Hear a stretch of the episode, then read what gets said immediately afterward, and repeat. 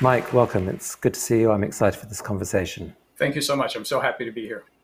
So, most of us have this mental model in biology that um, DNA is a property of every living thing, that it is kind of the software that builds the hardware of our body. That's how a lot of us think about this. That model leaves too many deep mysteries. Can you share with us some of those mysteries and also what tadpoles have to do with it?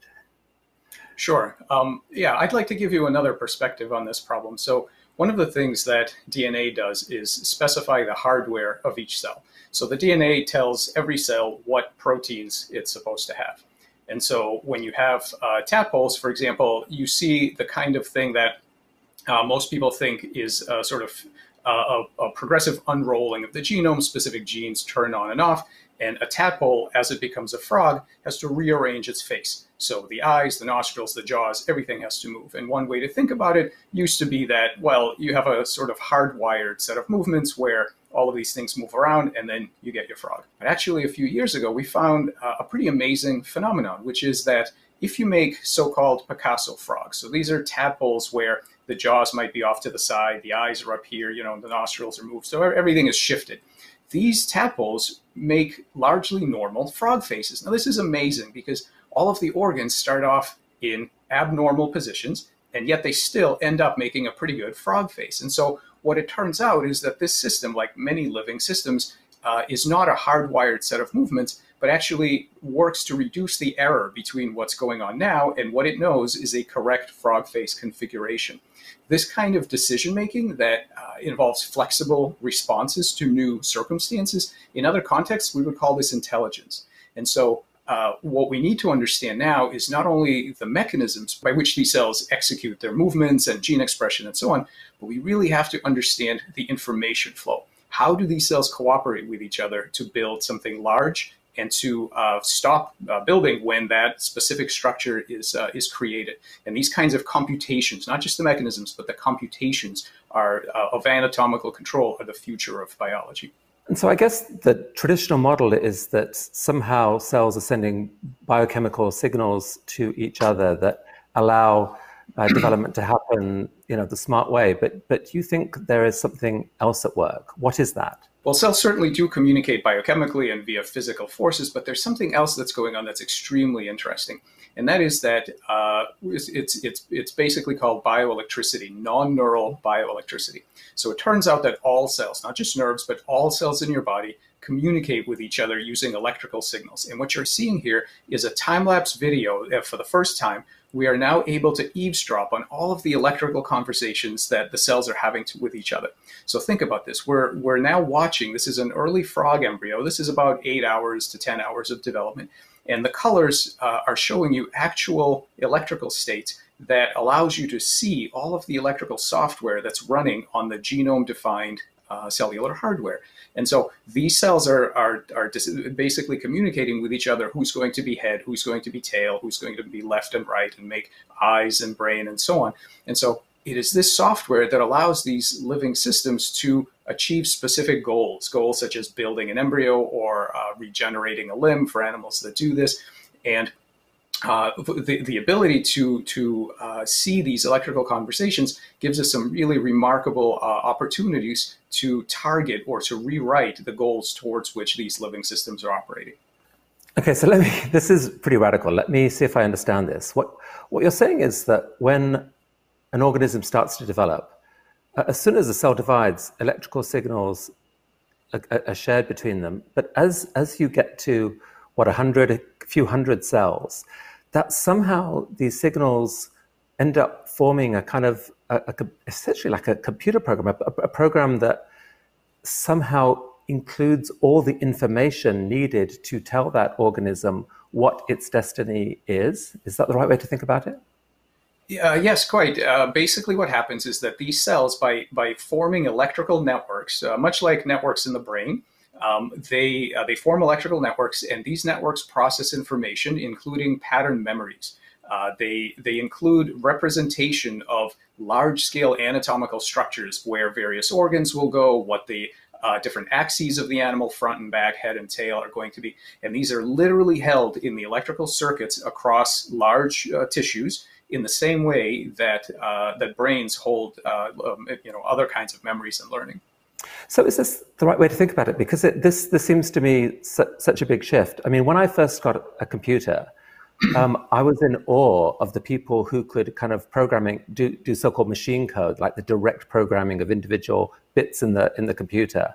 That was impossible for most mortals. To have a chance of controlling that computer, you'd have to program in a language, which which was a, a, a you know a, just a vastly simpler way of making big picture things happen. And if I understand you right, what you're saying is that most of biology today has sort of taken place trying to do the equivalent of, of machine code programming, of like understanding the biochemical signals between individual cells, when, wait a sec, holy crap, there's this language going on, this electrical language, which if you could understand that, that that would give us a completely different set of insights into how organisms are development. Is, is that metaphor basically right?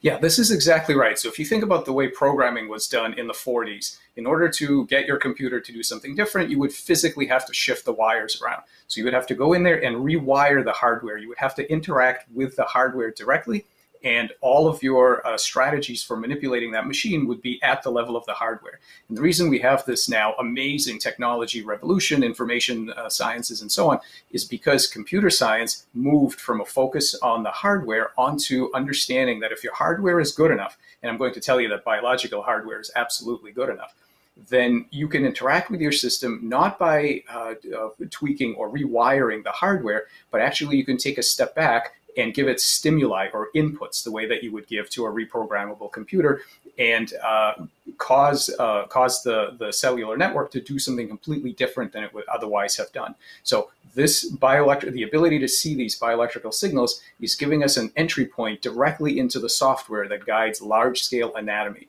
which is a very different approach to, uh, to medicine uh, than to rewiring specific pathways inside of every cell. And so, in many ways, this is the amazingness of your work is that you're starting to crack the code of these electrical signals, and, and you've got an amazing demonstration of this in uh, these flatworms. T- tell us, tell us what's going on here. So this is a, this is a creature known as a planarian. Uh, they're flatworms. Um, they're actually quite a complex uh, creature. They have a true brain, uh, lots of different organs, and so on. And the amazing thing about these planaria is that they are highly, highly regenerative. So if you cut it into into pieces, in fact, uh, over 200 pieces, every piece will uh, rebuild exactly what's needed to make a perfect little worm. So think about that. This is a system where every single piece knows exactly what a correct planarian looks like and builds uh, the right organs in the right places and then stops. And that's one of the most amazing things about regeneration.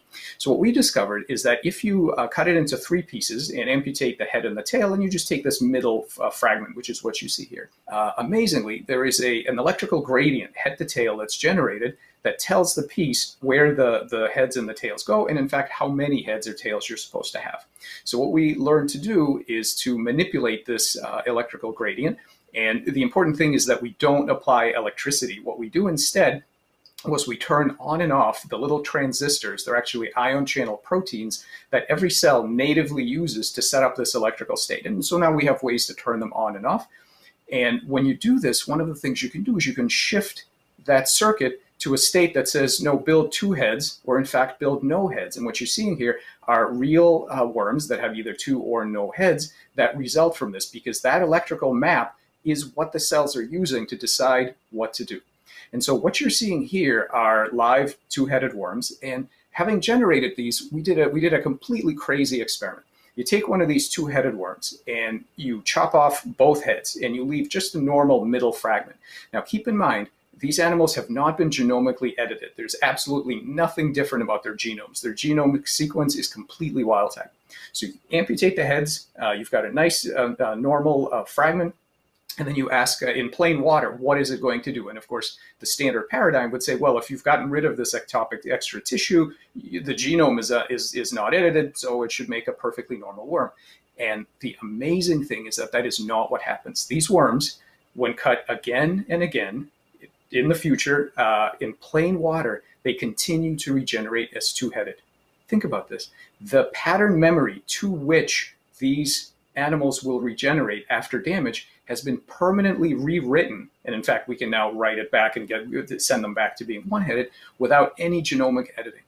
So this right here is telling you that the information structure that tells these worms how many heads they're supposed to have is not directly in the genome. It is in this uh, additional bioelectric layer. Probably many other things are as well. And we now have the ability to rewrite it. And that, of course, is the key uh, definition of memory. It has to be stable, long-term stable, and it has to be rewritable. And we're now beginning to crack this uh, morphogenetic code to ask how is it that uh, these tissues store a map of what to do and how we can go in and rewrite that map to new outcomes. I mean, that seems incredibly compelling evidence that that there's, you know, that DNA is uh, is just not controlling the actual final shape of of these organisms. That there's this whole other thing going on. And uh, boy, if you could crack that code, um, what what else could that lead to? By the way, just look at these ones. What is what is life like for a, a two-headed flatworm? I mean, it seems like it's a kind of a trade-off. Like the good news is you have this amazing three-dimensional view of the world, uh, but the bad news is you have to poop through both of your mouths. So the worms, uh, the worms have these little tubes called pharynxes, and they ex- the, the, tubes are sort of in the middle of the body, and they excrete through that. Um, these animals are perfectly viable; they're completely um, happy, I think. Uh, the problem, however, is that the two heads don't cooperate all that well, and so they don't really eat very well. Um, but if you manage to feed them by hand, they will go on forever. And in fact, you should know these worms are basically immortal. So these worms, because they are so highly regenerative, uh, they have no age limit. And they're telling us that if we crack the secret of regeneration, which is not only growing new cells, but knowing when to stop. You see, this is this is absolutely crucial. If you if you can continue to exert this uh, really profound control over the three-dimensional structures that the cells are working towards, you could defeat aging as well as uh, traumatic injury and things like this. So, so one thing to keep in mind is that this ability to rewrite the large-scale anatomical structure of the body is not just some weird planarian trick. It's not just something that's uh, that works in, in, in flatworms. So what you're seeing here is a tadpole with an eye and a gut. And what we've done is we've turned on uh, very specific ion channels. So we basically just uh, manipulated these little electrical transistors that are inside of cells and we've imposed a, a, state on some of these gut cells that's normally associated with building an eye. And as a result, what the cells do is they build an eye. These eyes are complete. They have uh, optic nerve, lens, all the same uh, retina, all the same stuff that an eye is supposed to have. They can see, by the way, out of these eyes. And what you're seeing here is that by triggering uh, eye building subroutines in the uh, physiological software of the body, you can very, very uh, easily tell it to build a complex organ. Now, this is important for biomedicine because we don't know how to micromanage the construction of an eye, and I think it's going to be a really long time before we can we can really uh, bottom up build things like eyes or hands and so on. But we don't need to because the body already knows how to do it, and there are these uh, these subroutines that can be triggered by specific electrical patterns that we can find. And this is the, this is what we call cracking the bioelectric code. We can make eyes, we can make extra limbs. Here's one of our five-legged tadpoles. Uh, we can make extra hearts. Uh, we're starting to crack the code to understand where are the subroutines in this software that we can trigger and build these complex organs long before we actually know how to micromanage the process at the cellular level. So, as you've started to get uh, to learn this electrical layer and what it can do, you've been able to create. Is, is it fair to say it's almost like a, a, new, a novel life form called a xenobot? Talk, talk to me about xenobots. Right. So, so this, if, if you if you think about this, this leads to a really strange prediction. If the cells are really willing to build towards a specific map, we could we could take uh, genetically unaltered cells and what you're seeing here is uh, cells taken out of a frog body. They've coalesced in a way that asks them to re-envision their multicellularity. And what you see here is that when liberated from the rest of the body of the animal, they make these tiny little novel bodies that are, in, in terms of behavior, you can see they can move, they can run a maze. Um, that are completely different from, from frogs or tadpoles. Frog cells, when asked to uh, uh, uh, re, re envision what kind of body they want to make, do something incredibly interesting. They use uh, the the hardware that, uh, that that their genetics gives them. For example, these little hairs, these little cilia that uh, that are normally used to redistribute mucus on the outside of a frog, those are genetically specified. But what these these uh, uh, creatures did, because the cells are able to form um, novel uh, novel kinds of bodies, they have figured out how to use these these little cilia to instead row against the water and now have locomotion. So not only can they move around, but they can uh, and here, here, what you're seeing is that these cells are uh, coalescing together. Now they're starting to have conversations about what they are going to do. You can see here the flashes are uh, these, these exchanges of information. Keep in mind, this is just skin. There is no nervous system. Um, there is no brain. This is just skin. This is skin that has learned to make a new body and to explore its environment and move around and uh, they they have spontaneous behaviors. You can see here where it's uh, swimming down this maze. At this point, it decides to turn around and go back where it came from. So it has its own behavior, and this is this is a remarkable model system for several reasons. First of all, it shows us the amazing plasticity of cells that are genetically wild type. There's no genetic editing here. These are cells that are uh, really um, uh, prone to making some sort of functional body. The second thing, and this was this was done in collaboration with Josh Bongard's lab at UVM, they uh, modeled the, um, uh, the, the, structure of these things and evolved it in a virtual world. So this is literally on a, on a computer. They modeled it on a computer. So this is literally the only organism that I know of on the, on the face of this planet whose evolution took place not in the biosphere of the Earth, but inside a computer. So the individual cells have an evolutionary history, but this organism has never existed before.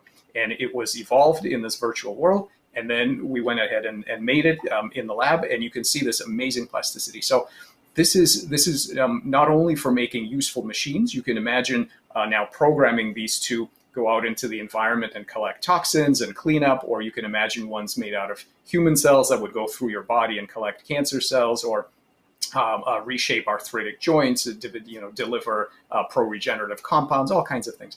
But not only these useful applications, this is an amazing sandbox for learning to communicate morphogenetic signals to cell collectives. So once we crack this, once we understand how these cells decide what to do, and then we're going to, of course, learn to rewrite that information. The next steps are uh, a, a, a, great, um, uh, great improvements in regenerative medicine because we will then be able to tell cells to build healthy organs. And so this is now a really critical opportunity to learn to communicate with cell groups, not to micromanage them, not to force the hardware, but to communicate um, and rewrite the goals that these cells are trying to accomplish.